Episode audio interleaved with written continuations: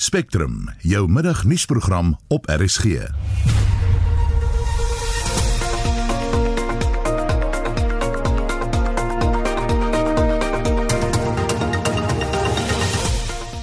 die volgende uur die Vryheidsfront Plus spreek se kommer uit oor die ontplooiing van duisende weermaglede. Die werkloosheidsversekeringsfonds sloer met uitbetalings aan werknemers in die tekstielbedryf. Die meeste van die maatskappye is nie in staat om hulle mense te betaal uit eie fondse nie. 2000 aasvoëls is in Genee-Bissau vergiftig. Die van die karkasse wat die ouens op afgekom het, omtrent so 200 daarvan is die koppe verwyder en dis die liggaamsdeel wat meeste mense na opsoek is in terme van hierdie geloof. En verskeie seemeeue is langs die Weskus gered. Goeiemiddag en welkom by Spectrum. Die span is redakteur Jan Estreisen, produksieregisseur Lewona Bekes en ek is Susan Paxton. Onthou Spectrum Monitor en Naweek Aktueel is beskikbaar op Potgooi. Gaan net na die RC webblad www.rc.co.za.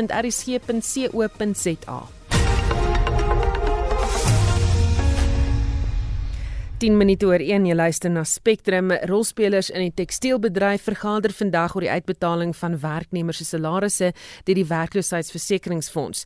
Die voorsitter van die tekstielbedingingsraad Hans Bouwer het aan Marlenae Forsie gesê hulle is bewus daarvan dat werknemers nie die geld gekry het wat hulle aanvanklik beloof is nie. Hy sê egter die bedryf het reeds voor die Grendeltydperk ooreenkomste bereik met die fonds. Aanvanklik het hulle 'n ooreenkoms met die klerasie bedryf beding vir ongeveer 60000 mense en ons het toe namens 18000 mense in die tekstielbedryf ook so inkomens beding.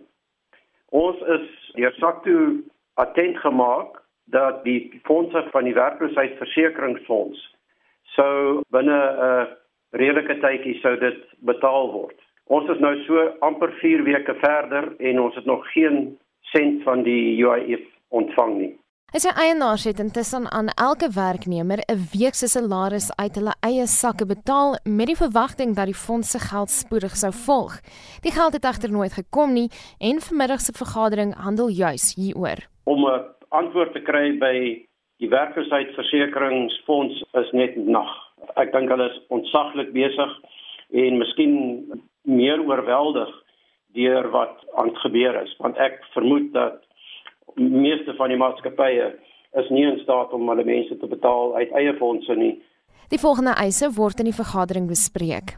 Eerstens dat ons kan sekerheid kry dat die gelde wel op pad is. Tweedens dat ons sekerheid kry oor die kwantum, die hoeveelheid geld wat mense gaan kry want daar is aan die werknemers gekommunikeer al 18000 van ons werknemers dat hulle 'n volle week se salaris van die werkloosheidsversekering sou kry. Dit blyk nou dat dit nie die geval gaan wees nie en dat dit eerder iets soos 50% gaan wees. En natuurlik probeer uitvind wat is die oponthoud. Hy sê hulle kommunikeer die verloop van die proses aan werkers na die beste van hulle vermoë. Ons het intussen teruggegaan na hulle toe om vir hulle net te laat weet dat ongelukkig is daar nog geen geld ontvang nie en ons het ook ongelukkig geen aanduiding van wanneer dit sou gebeur nie maar dat ons alle kanale probeer om uit te vind waar die gelde is want dit raak nou regtig 'n krisis vir mense. Bouwer sê hoewel die regering se beplanning goed lyk, die uitvoer daarvan dikwels te kort skiet. Dit maak vir ons as werkgewers geweldig moeilik en ons het ook geen terugvoer van die werkloosheidsversekering om te sê man, ons is op pad. Julle moet net bietjie geduldig wees. Dit gaan 'n dag vat, dit gaan 2 dae vat, dit gaan 'n week vat. Laat ons net weet, daar's geen terugvoer nie en dit maak dit vir ons uh, besonder moeilik. Dit was die voorsitter van die Tekstielbedingingsraad, Hans Bouwer. Ek's Marlene Verschiefer, SAK nuus. Verskeie Suid-Afrikaners het te velde getrek teen die regering die afgelope week op sosiale media weens die uitbetalings van werkloosheidsversekering. Die klagtes het gewissel van die konstante verandering in dokumentasie wat vereis word tot die minimale bedrag wat uiteindelik ontvang word. Ons praat nou met die bestuurshoof van die werkgewersorganisasie NIASA, Gerard Papenfoos. Goeiemôre Gerard. Hallo Susan. Nou ons het nou net geluister na die tekstielbedryf en wat daar gebeur het. Julle was krities oor die proses van die begin af. Ehm um, waar was julle bekommerd? Ja, die um, die proses was uh, was was baie meer uh, baie die mekaar en uh, daar was uh, aanhoudend veranderinge aangebring. Ek dink ek dink egter daar het uh, uh stabiliteit gekom in terme van die indiening van die proses en uh nou is dit uh, nou is die groot ding die kapasiteit om die eise ehm um, uh, uit te betaal. Uh, ons uh, doen daagliks is 'n uh, 'n um, survey. Uh, jy kan my help met die Afrikaans van survey. Ehm um, opname um, ja. Uh, opname in die mark. En uh, vanmôre het dit gewys dat uh, dat daar 17.7% byna 18% van uh, van eise uitbetaal is. En dit is 'n onder 'n uh, uh, uh, steekproef onder uh, onder ehm um, byna wel die steekproef is baie groot maar duisend werkgewers het uh, het geantwoord. So dit is baie in lyn. Die feit is daar uh, vanmôre het ek iewers gelees dat die die fonds het 36000 uitbetalings gedoen maar jy weet hulle moet inderdaad 'n paar honderd duisend uitbetalings doen en die probleem is die werkgewers moet hierdie geld kry voor die einde van die maand om hulle werkers te betaal. Ehm um, dit dit is net absoluut essensieel dat dit dat dit gebeur. Dit is 'n geweldige las en ons uh, die werkgewers het reeds nie kontant vloei nie. Uh en as hulle hulle werkers betaal en die geld kom nie in uh voor die einde van die maand en dan gaan hulle in 'n kontant vloei probleme. So ek hoop maar net uh, die fonds uh, kom reg. Ek dink dit hulle kom meer reg as 'n rukkie terug. So kom ons hoop regtig vir die beste hierso. Goed, ehm um, so die die administratiewe rond rompslomp dit is effens opgeklaar. Ehm um, ander probleme is daar 'n tekort aan geld? Ja, ek dink daar's geld. Ek ek ek ek, wel, ek dink die land het tekort aan geld, maar dit was daar's ek dink 40 miljard bewillig vir vir hierdie doel. Dit is die dis die administratiewe proses om dit by die werkgewers te kry. Wat ons wel vind is dat die geld word uitbetaal daar is plekke waar waar werkgewers nie presies weet wat is die bedrag wat hulle hulle kan nie die uh uh bedrag wat hulle kry plaas of uh, vir uh, vergelyk met wat hulle geëis het nie en uh, die fonds die fonds is veronderstel om 'n um, staat saam met die betaling te gee wat hulle in 99% van gevalle nie doen nie. So daar's werkgewers wat uh, geld kry wat hulle moet oorbetaal aan werkers en hulle weet nie watter werker hoeveel moet kry nie. Dis 'n probleem op hierdie stadium. Enige raad aan mense wat steeds sukkel? Nou, jy moet maar uh, jy weet jy moet maar 'n uh, professionele hulp kry. Ek ek dink dit is van die begin af 'n probleem dat uh jy weet hierso ons ons sit met uh, baie besighede sit met rekenmeesters en uh industriële verhoudinge spesialiste wat hierdie uh goeders kan doen. Maar daar's klein besighede wat net nie daai kapasiteit het nie en en hulle sukkel op hierdie stadium. Ehm um, hulle moet maar maar 'n paar rand bymekaar sit en professionele hulp kry om hierdie ehm um, eise in te dien want op die 30ste verstaan ons 30ste April uh, is die laaste dag wat eise ingedien kan word. Baie dankie dit was die bestuurshoof van Niasa Gerard Papenfoos. Nou soos jy vroeër in die nuus gehoor het, Statistiek Suid-Afrika het bekend gemaak dat die inflasiekoers in Maart tot 4,1% gedaal het. Dis die laagste tot dusver vanjaar. Die rede vir die daling word toegeskryf aan die dalende olieprys. En ons praat nou oor die en ander ekonomiese kwessies met Dr. Rolof Botha van die Optimum Beleggingsgroep. Ehm um, goeiemôre Rolof. Goeiemôre julle. Kom ons kyk na die inflasiekoerssyfer wat deur Statistiek Suid-Afrika bekend gemaak is. Wat het uitgestaan vir jou daar? Uh, dat is nie verbasend nie. Ehm um, en ek is oortuig daarvan hy gaan nog verder daal, miskien erg daal. Uh wat natuurlik ruimte laat vir nog rentekoersverlagings. Uh maar dit is maar die ou ehm um, sonnebokke. Uh wat weer te voorskyn gekom het. Ek sien uh, op 'n jaargrondslag uh water en ander munisipale dienste is, is nog neem toe met meer as 7% per jaar. Elektrisiteit ehm um, neem toe met amper 12% per jaar. So dis maar die gereguleerde pryse. En ehm um, dit bring mense terug by uh, een van die die grondliggende probleme in in hierdie land. En dit is die feit dat 'n derde van ons munisipaliteite is nie funksioneel nie. Hulle is bankrot, hulle is onbevoeg. En uh, ek ek kan nie ek ek verwonder my daaraan dat die regering nog nie van die uh, raadgewende ingenieursorganisasies se aanbod gebruik gemaak het om 'n paar ingenieurs en ervare projekbestuurders te kry om net te help om hierdie munisipaliteite reg te ruk nie. Hm. Wat voorspel dit vir die inflasiekoers later? Wel, inflasiekoers op pad af, daar's geen twyfel daaroor nie.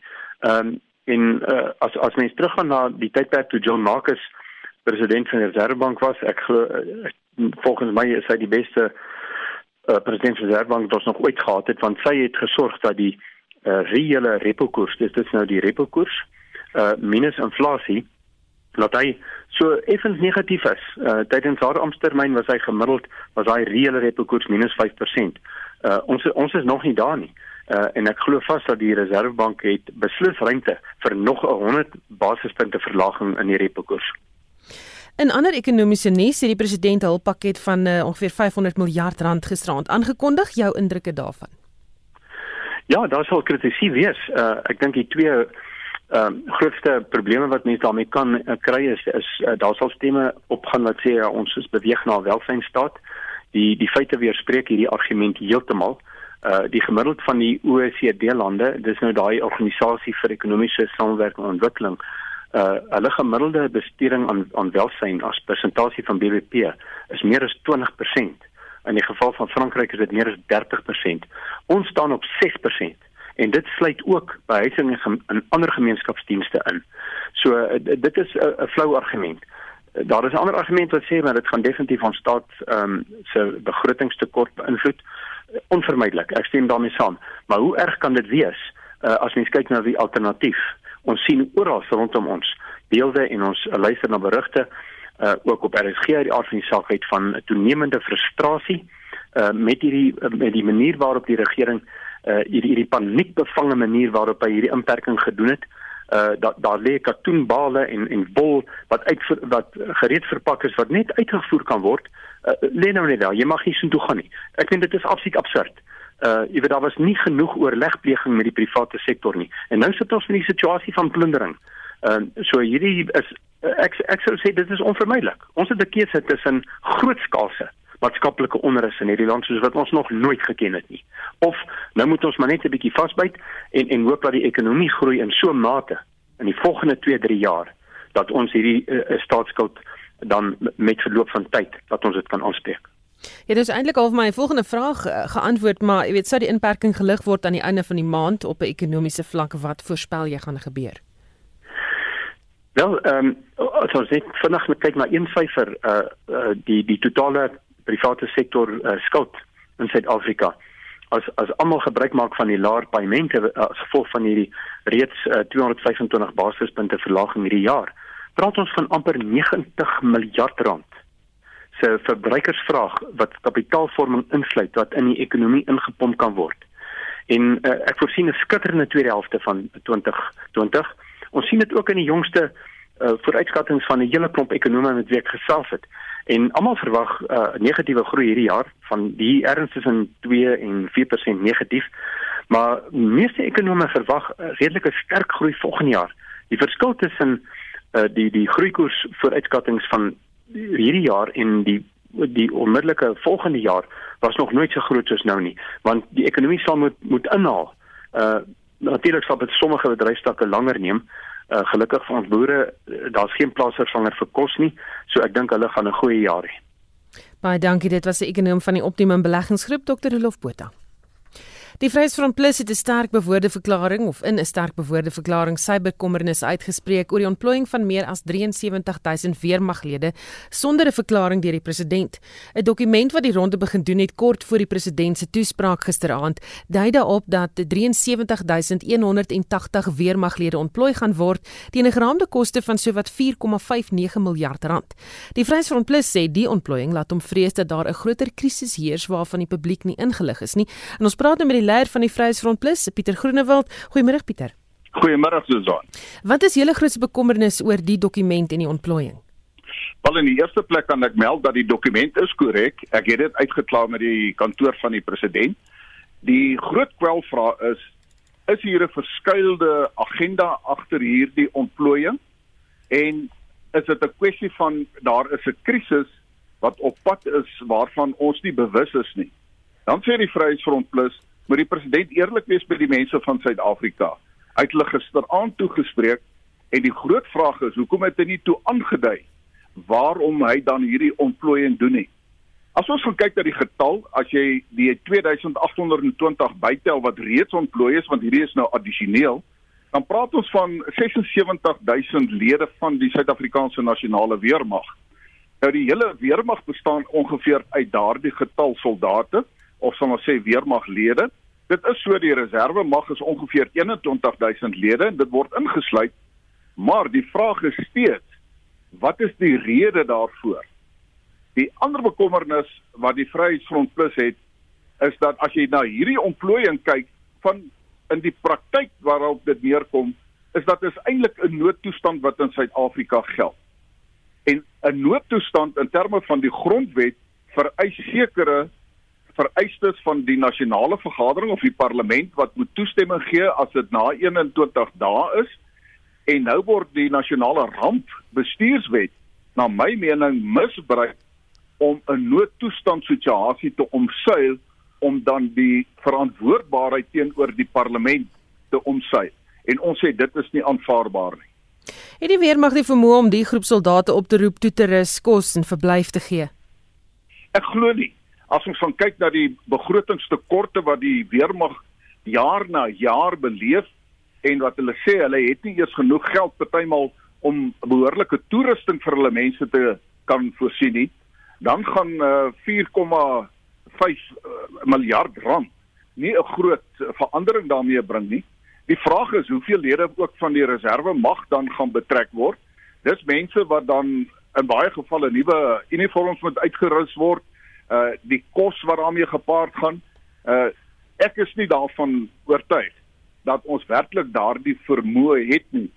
En dit skep ook die indruk dat die president nie behoorlik ingelig is oor wat die werklike vermoë van die Suid-Afrikaanse nasionale weermag is nie. Ek is ook bewus daarvan dat ek het vanoggend oproepe gekry van lede van die nasionale weermag, hoë offisiere wat nie heeltemal bewus is van hierdie ontplooiing nie. Dit sê vir my dat daar is ook gebrekkige kommunikasie en beplanning tussen die kantoor van die president en dan die lede van die nasionale weermag. Ja, Spectrum het by beide die minister van verdediging en die presidentsie probeer duidelikheid kry oor die kwessie sonder enige sukses. Uh by navraag aan die weermag self was daar ook nie duidelikheid oor die konteks van die brief nie. Voel jy die president uh, moes die publiek hieroor ingelig het? Die vraag is moes hy hulle ingelig het? Ja. Ja, inderdaad moes hy hulle ingelig het. Want uh die artikel 201 van die grondwet vereis dat daar moet spesifieke redes gegee word as so ontplooiing gedoen word. Nou dit is so in sy skrywe aan die parlement en dan op die einde van die dag die gesamentlike staande komitee van verdediging sê hy dit is om die polisie by te staan in terme van die pandemie maar dis nie goed genoeg nie uh, ons moet vir mekaar sê dat die vraag is nog juis hoekom ontrent die hele Suid-Afrikaanse nasionale weermag of kom ons praat dan van 76000 soldate wat dan gaan ontplooi word dit is 'n ernstige aangeleentheid wat ernstige vrae na vore raak bring. Dit is 'n geweldige ingryping in die normale gang van die vryheid en die beweging van die mense in Suid-Afrika en om dan 'n hele weermag basies te ontplooi in 'n land beteken dit is 'n geweldige ingryping en dan moet daar verseker duidelike redes wees. As ons dan gaan kyk na die grondwet van Suid-Afrika maak hy juis voorsiening daarvoor as jy dan byvoorbeeld 'n noodtoestand afkondig. 'n Noodtoestand is as jy moet wet en orde handhaaf. Dan moet jy 'n noodtoestand behoorlik uh, dan afkondig. Hierso sê dit ook. Dit gaan juis om die polisie by te staan om wet en orde te handhaaf. Nou kan die publiek met reg vra. Nou verwag hulle dat daar 'n totale wanorde gaan ontstaan. Ons is veronderstel om aan die einde te wees van 'n inperkingsperiode. En doen 'n beroep op die president. Ek wil amper sê ek eis van die president. Hy gaan nou donderdag weer praat met die mense van Suid-Afrika om die redes te verskaf. Ja, ons weet, dit is om nou die polisie by te staan, maar hy moet duidelik uitspel hoekom soveel soldate ontplooi in Suid-Afrika sodat almal kan weet wat die redes is, want ons moet vir mekaar sê. Dit skep kommer by baie van ons mense. Ons mense voel onseker wat hou die virus in? Daar's mense wat die weermag vrees. As ons gaan kyk hoe sommige lede van die weermag hulle magte misbruik, is daar baie mense wat vreesbevange raak as hulle die weermag sien. En jy om daardie redes moet die president die mense dan minstens kan gerusstel en sê dit is die spesifieke redes hoekom ons nou so baie soldate moet ontplooi want ons moet ons dan voorberei vir die toekoms maar dan moet hy sê wat verwag hy van die toekoms dat die mense kan self besluit is dit geregverdig om hierdie geweldige ontplooiing van die Suid-Afrikaanse nasionale weermag te kan hê. Baie dankie, dit was die leier van die Vryheidsfront Plus, Pieter Groenewald. Informele herwinnaars wat ook bekend staan as die Baggeresi het 'n helpende hand van Plastic SA en Packaging SA ontvang. Die herwinnaars wat asblikke nagaan op soek na herwinbare materiaal word nie as noodsaaklike dienswerkers geklassifiseer nie en het geen bron van inkomste tydens die Grendelstaat nie. Marlene Forsie het meer. Die bestuurshoof van Packaging SA, Shabir Jetem, sê die departement van omgewingsake, bosbou en visserye en ander produsente is ook deel van die inisiatief. We collected in the region of less than two days 800,000 rands. And what this was used was to buy electronic vouchers, which are then loaded directly onto waste pickers' mobile phones, which they could redeem at certain of the retailers for essential foodstuff. We value them as an integral part of the collection of recyclables, which then go back to to the different facilities to be recycled into new products. Minstens 4000 herwinnaars is sover deur die inisiatief bereik. Hy sê die herwinnaars lewer 'n beduidende bydrae tot herwinning in die land. Afhangend van die materiaal word tussen 40 en 70% van die land se herwinbare produkte deur die sektor ingesamel. Hy moedig Suid-Afrikaners aan om nie op te hou om herwinbare produkte van ander rommel te skei tydens die inperkingsperiode nie. If people could wash it, rinse it out and then keep it in a separate bag or bin as they normally would do. And once the lockdown is over, we expect the situation to return to normality where these recyclables will be collected. The last thing we would want is for packaging recyclables to end up in landfill. The more we recycle, the more we take away from landfill, we reduce carbon dioxide emissions, which is a major greenhouse gas which contributes to global warming amongst others. So the, it, it's certainly something that we need to do. Dit was die bestuurshoof van Packaging SA, Shabir Jetem.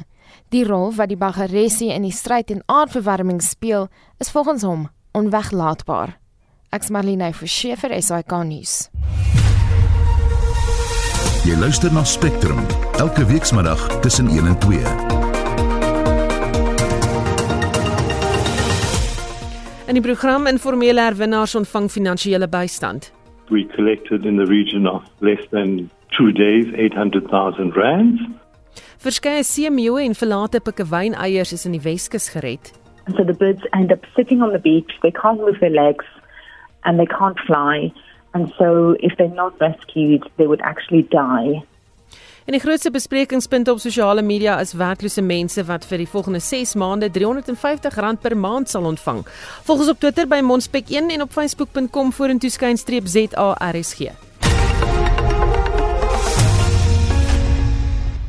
Dit is nou 13:33 uh, Shaun Jooste die jongste sportnuus. In sokkernuus, al 20 Italiaanse klubs het ingestem dat die 2019-20 Serie A seisoen voltooi moet word indien die regering dit goedkeur. Die Italiaanse Sokkerfederasie vergader vandag met die minister van sport om mediese protokol te bespreek vir wanneer oefening ervat word. Italië se nasionale sluiting het op 10 Maart begin en daar word verwag dat beperkings op die 4de Mei gelig sal word. Spanne wil dan begin oefen en daar is hoop dat die seisoen aan die einde van Mei of begin Junie voortgesit kan word. UEFA het ook gister voorgestel dat alle Europese ligas en klubkompetisies voltooi word, maar sal ook riglyne bekend maak vir ligas wat nie voltooi kan word nie weens die koronaviruspandemie. UEFA vergader vandag en môre met federasies, klubs en basse en sal verdere aankondigings na die vergaderings maak. Die Hollandse Liga is van plan om hulle seisoen vroeg te beëindig nadat die regering alle publieke vergaderings tot minstens September opgeskort het. Daar is nog 8 rondes oor in die seisoen met Ajax Amsterdam, die voorlopers. En laastens, die Belgiese en Skotse seisoene kan ook moontlik vroeg beëindig word. Die federasies wag vir kommunikasie van UEFA voor hulle finaal besluit. Dit was ons sportverslaggewer Shaun Jooste.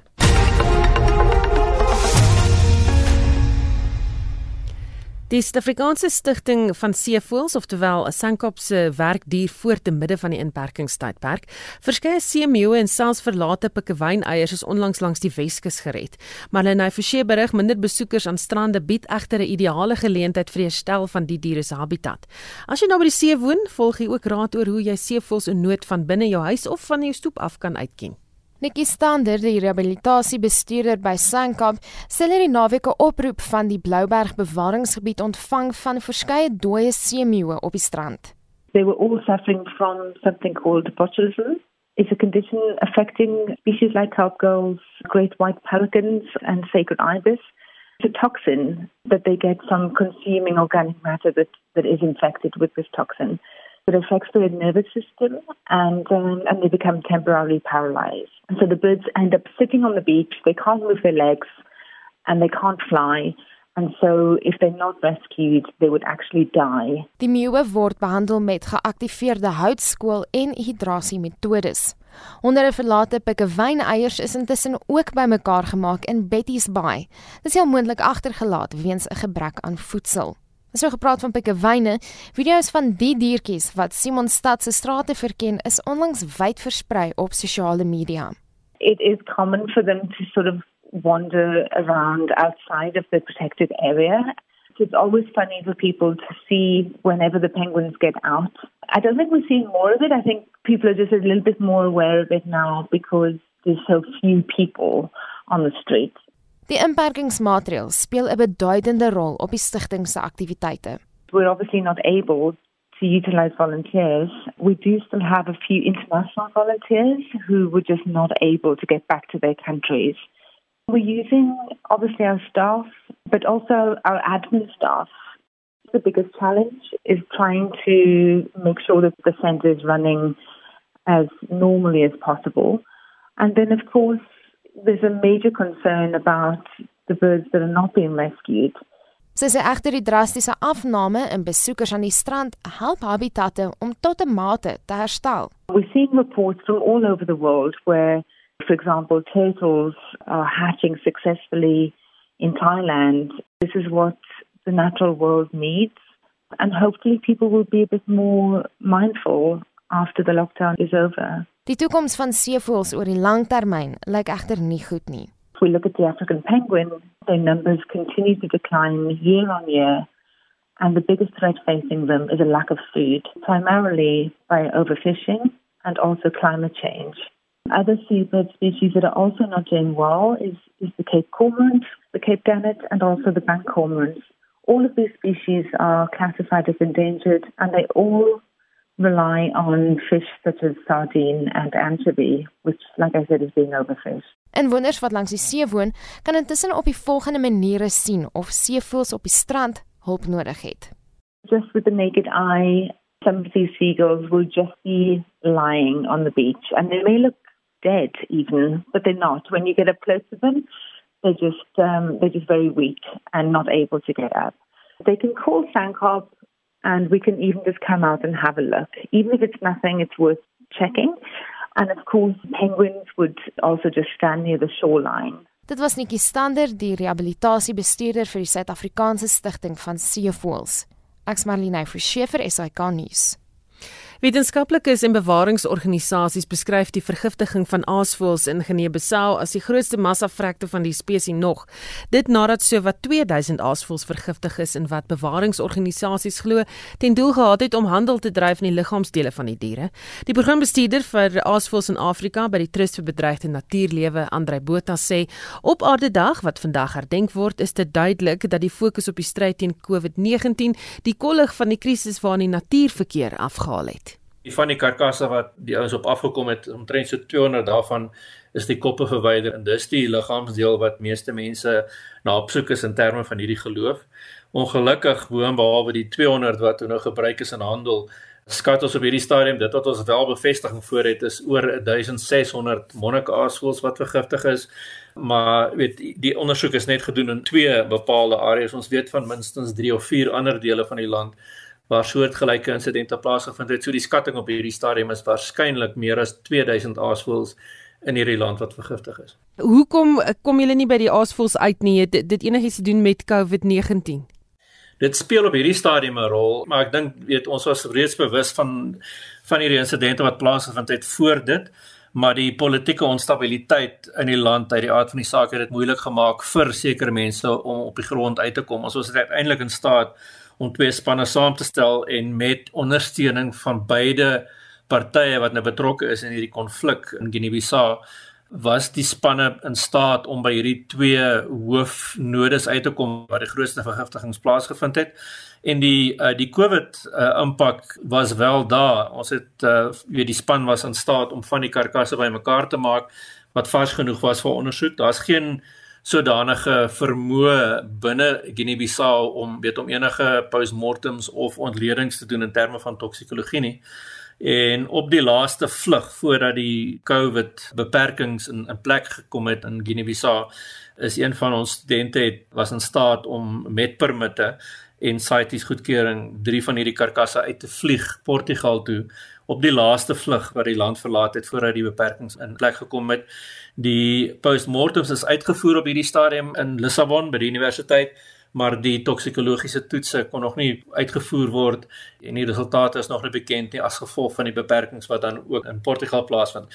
So daar is mate van beperking wat dit betref en natuurlik nou terug in Guinea-Bissau self in terme van weet eh, beweging mense wat verder ondersoek kan doen en so aan dit is op hierdie stadium totaal en al aan bande gelê. So dit is enige iemand weet dit is oop vir spekulasie wat die situasie is op hierdie stadium, maar daar's regtig groot bron tot kommer wat wat dit betref veral in die lig gesien dat die monarch aasvoëls is krities bedreig en dat hierdie klein landjie in in Wes-Afrika word gesien uh, was gesien as een van die bakermatte en een van die gebiede waar hierdie spesies spesifiek 'n baie sterk voet gehad het waar dit teenwoordig was. Hulle kom voor tussen mense, bly in die dorpe en die stede en speel 'n baie belangrike rol in die skoonmaak en die verwydering van afvalmateriaal in in hierdie dorpe en stede. En so groot verlies verteenwoordig 'n geweldige impak op die oorhoofse bevolking in Afrika van hierdie aasvoëlspesies. Sypel hierdie dan 'n deur na ander werksamehede in die wildbeskermingsbedryf ook dit is wel so weet nie net daar nie ons weet ook van 'n ander insident byvoorbeeld wat nou die afgelope 2 3 dae in Noordwes Kenia plaasgevind het leeu's wat kam kamele doodgemaak het en weet die eienaars van die van die kamele het nou daarop gereageer deur van die karkasse te vergiftig en en daar's ook 'n klomp aasvoëls daar's roofarende wat vergiftig is daar's jakkalse wat betrokke is. Ons is nie op hierdie stadium bewus van enige leeu's wat dood is daar nie. Maar as gevolg van die beperkings wat in Kenia in plek gestel is, byvoorbeeld kan ons kollegas wat gewoonlik reageer op hierdie insidente word verbied om enigsins rond te beweeg en op hierdie tonele uit te kom en te reageer en te probeer om mense te ondersteun en te help te probeer om hierdie hierdie konfliksituasies op te los en te voorkom dat daar, daar verder insidente plaasvind. En ek dink ook in in ander gevalle ek's bewus van insidente weet op die grense tussen Namibië en Botswana. Hier in Suid-Afrika self was daar etlike voorvalle nou in die afgelope 2-3 weke van nie net vergiftiging nie maar ook ander omgewingsmisdade wat plaasvind dit wat eenvoudig waarskynlik net nie prioriteit genoeg is uh, om op te reageer vir mense nie en en natuurlik die bewegings van sekere spanne word aan bande gelê maar ek dink in Suid-Afrika is ons gelukkiger want ons het weet ons het wel die toestemming om indien daar noodsituasies is bystand te kan verleen in sekere omstandighede. So dit wissel, maar ek ek dink hierdie beperkings gaan wel 'n definitiewe invloed hê uh, in die lange duur en veral as dit volgehou word. En dit was die programbesitter vir Aasvoëls in Afrika by die Trust vir Bedreigde Natuurlewe, Andrei Botha.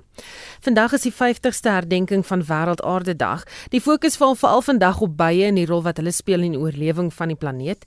Die vakgroep Dierkunde aan die Noordwes Universiteit vier die jaar hulle 100ste bestaanjaar.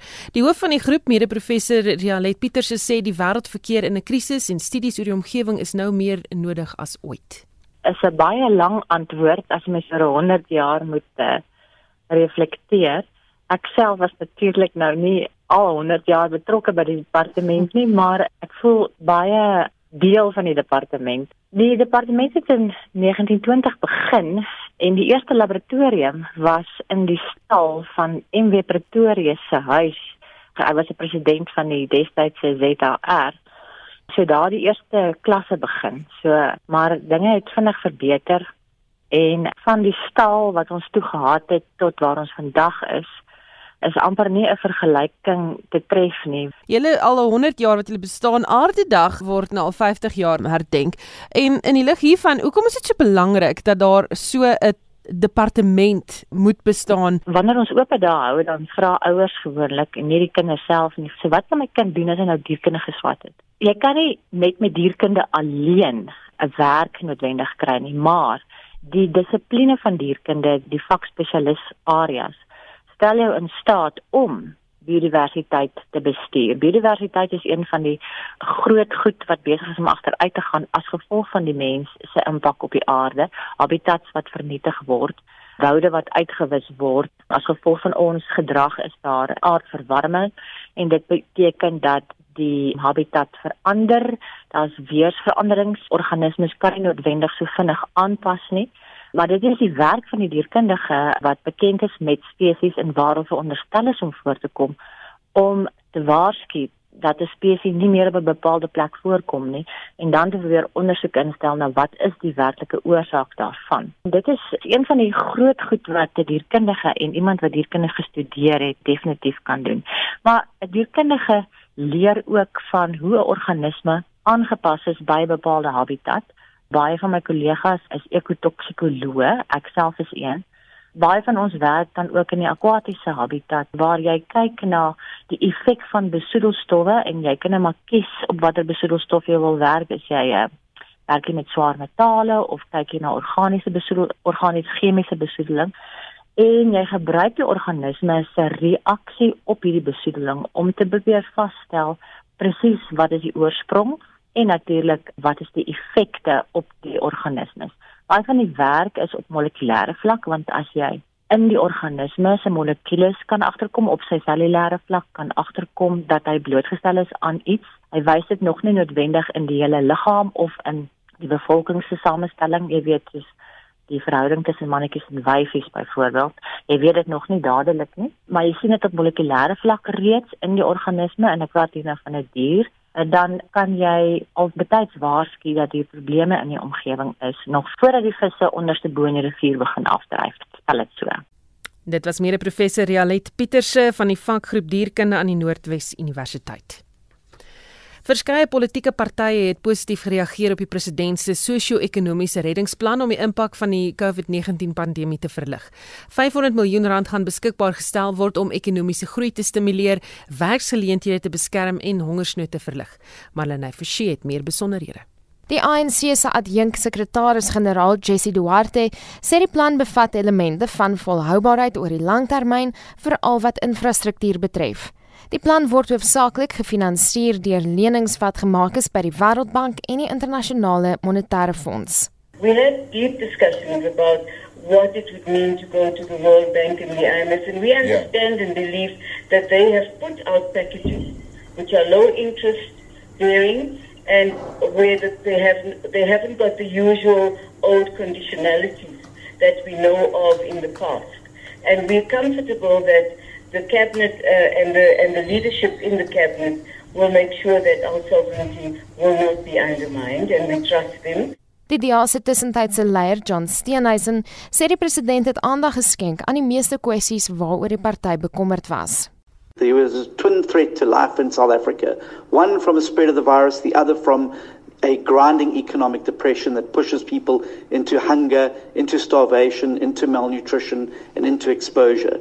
We've got to address the twin threat to life in South Africa, and uh, the President has accepted that, and we're going to move to a model that looks at saving both lives and livelihoods. Die IFP se woordvoerder, Mkhuleko Hlengwa, waarsku egter dat die parlement sy oorsigrol moet opskerp om die effektiewe en eerbare implementering van die voorstelle te monitor.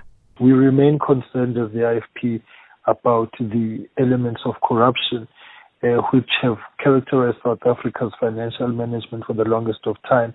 And clearly, um, the, if this money is not managed well, um, corruption will become a, a permanent feature.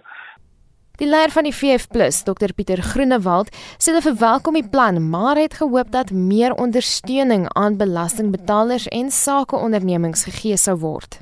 Die aantal kwesbares in Suid-Afrika het verander. Die definisie van kwesbares is nie meer dieselfde as voor die inperking nie.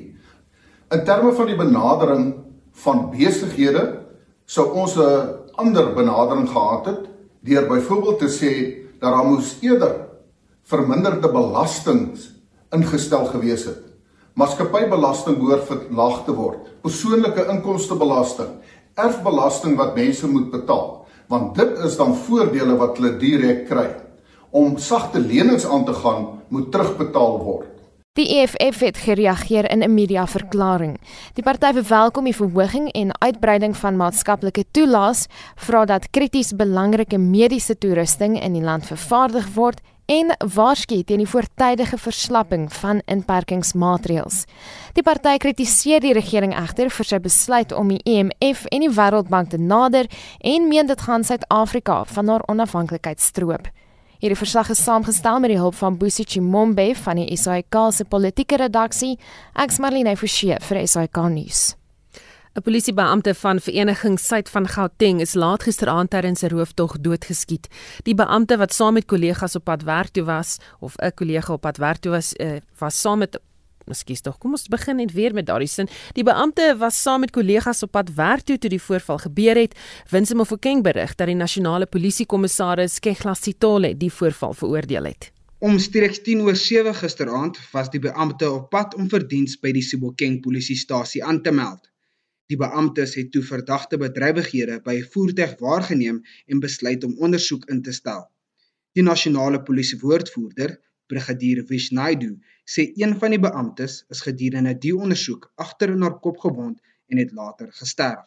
They noticed a vehicle parked alongside the road and they noticed something suspicious was taking place at this vehicle and uh, when trying to inspect or investigate exactly what was happening the occupants of that vehicle opened fire on the police vehicle hitting a female sergeant in the back of her head uh, colleagues immediately rushed her to a local hospital but she was pronounced dead on arrival at the hospital. Die nasionale polisiekommissaris, Ketla Sitole, het die provinsiale polisie in Gauteng 72 uur gegee om die verdagtes wat vir die voorval verantwoordelik is, vas te trek. A plan which entails the mobilization of forensic experts, crime intelligence, the hawks and general detectives to search for these suspects and bring them to book as soon as possible. And he's also called on the provincial management to assist the family of our deceased colleague the best they possibly can.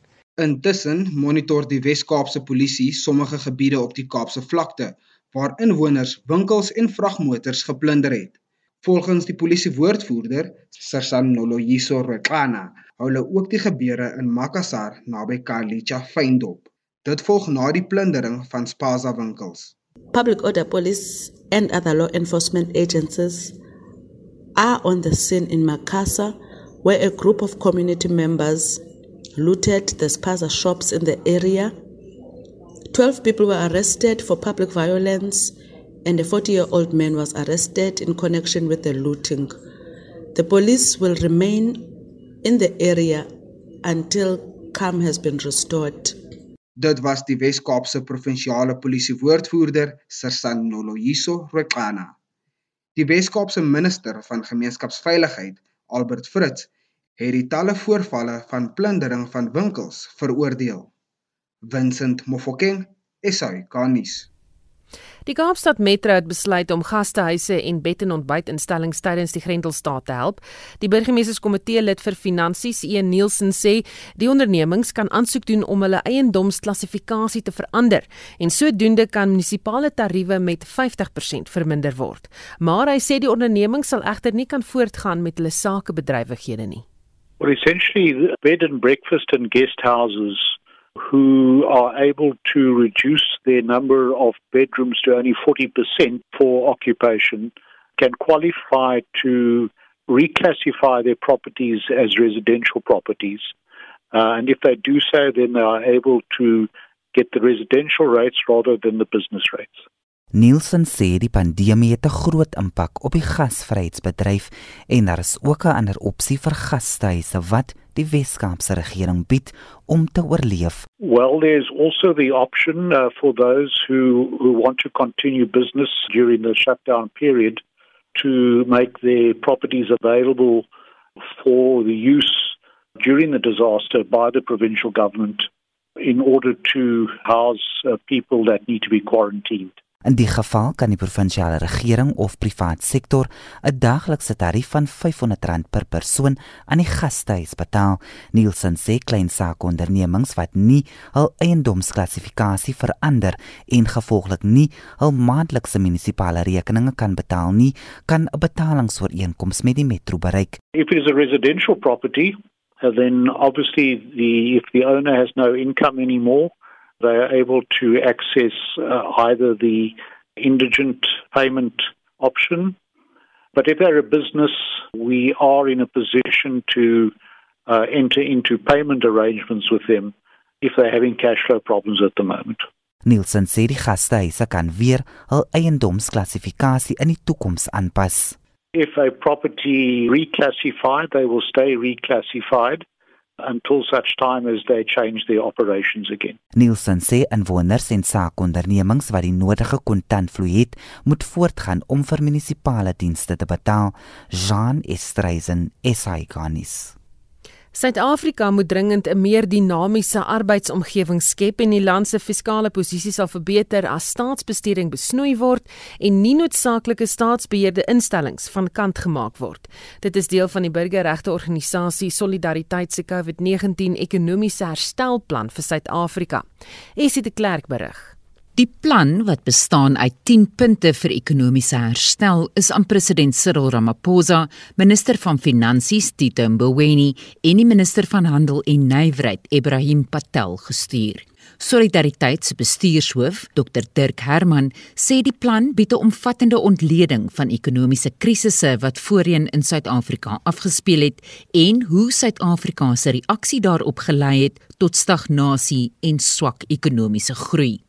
Herman sê met die Suid-Afrikaanse ekonomie op die randjie van die afgrond, is dit van die uiterste belang dat leiers nou die regte besluite maak. Solidariteit se ekonomiese herstelplan bestaan uit 10 punte, soos Herman verduidelik. In die eerste plek dat die staat van inperking moenie 'n dag langer duur as nodig nie en mense moet toegelaat word om weer te gaan werk as hulle gesond kan werk. In die tweede plek moet planne soos byvoorbeeld die NGV laat vaar word. Die staat het eenvoudig nie die geld daarvoor nie en dit moenie nou die fokus wees nie. In die derde plek meer dinamiese arbeidsomgewing met 'n fokus op groei en nie net die behoud van werksgeleenthede nie. In die vierde plek verminder belasting sodat ons besteedbare inkomste kan verhoog. In die vyfde plek verminder staatsuitgawes. In die sesde plek verminder regulasies sodat dit makliker is om sake te doen. In die sewende plek sê ons verwyder beperkende handelsreëls. In die agste plek sê ons dat die elektrisiteitssektor moet radikaal gedereguleer word. In die negende plek moet alle nie noodsaaklike staatsondernemings verkoop word en in die 10de plek sê ons dat eiendomsreg moet beskerm word. Al hierdie punte word dan in detail bespreek in ons groter ekonomiese herstelplan. Volgens solidariteit moet bekommernisse oor die ekonomie nie beoordeel word aan die hand van 'n verruiling tussen gesondheid en rykdom nie. Herman sê dit is twee verwante en onderling afhanklike eienskappe van menslike welstand. Die solidariteit ekonomiese herstelplan is gebaseer op wenlande. En nêrens in die wêreld en ooit in die geskiedenis was daar spanning geweest tussen gesondheid en ekonomie nie. Om die waarheid te sê, hulle het mekaar nodig. Dit komplementeer eintlik mekaar. In die COVID-19 geval is dit nodig dat ons ekonomiese groei moet hê sodat ons COVID-19 kan beveg. En ons het 'n suksesvolle bevegting van die virus nodig vir die ekonomie. Dit staan dus nie teenoor mekaar nie. Om die waarheid te sê, ons is oortuig daarvan as ons herstelplan geïmplementeer word, gaan ons ook die virus nog meer effektief kan beveg. Dit was die bestuurshoof van Solidariteit, Dr Dirk Herman. Ek is Estie de Klerk vir SAK nuus. En daarmee groet die Spectrum span. My naam is Susan Paxton. Geniet jou middag.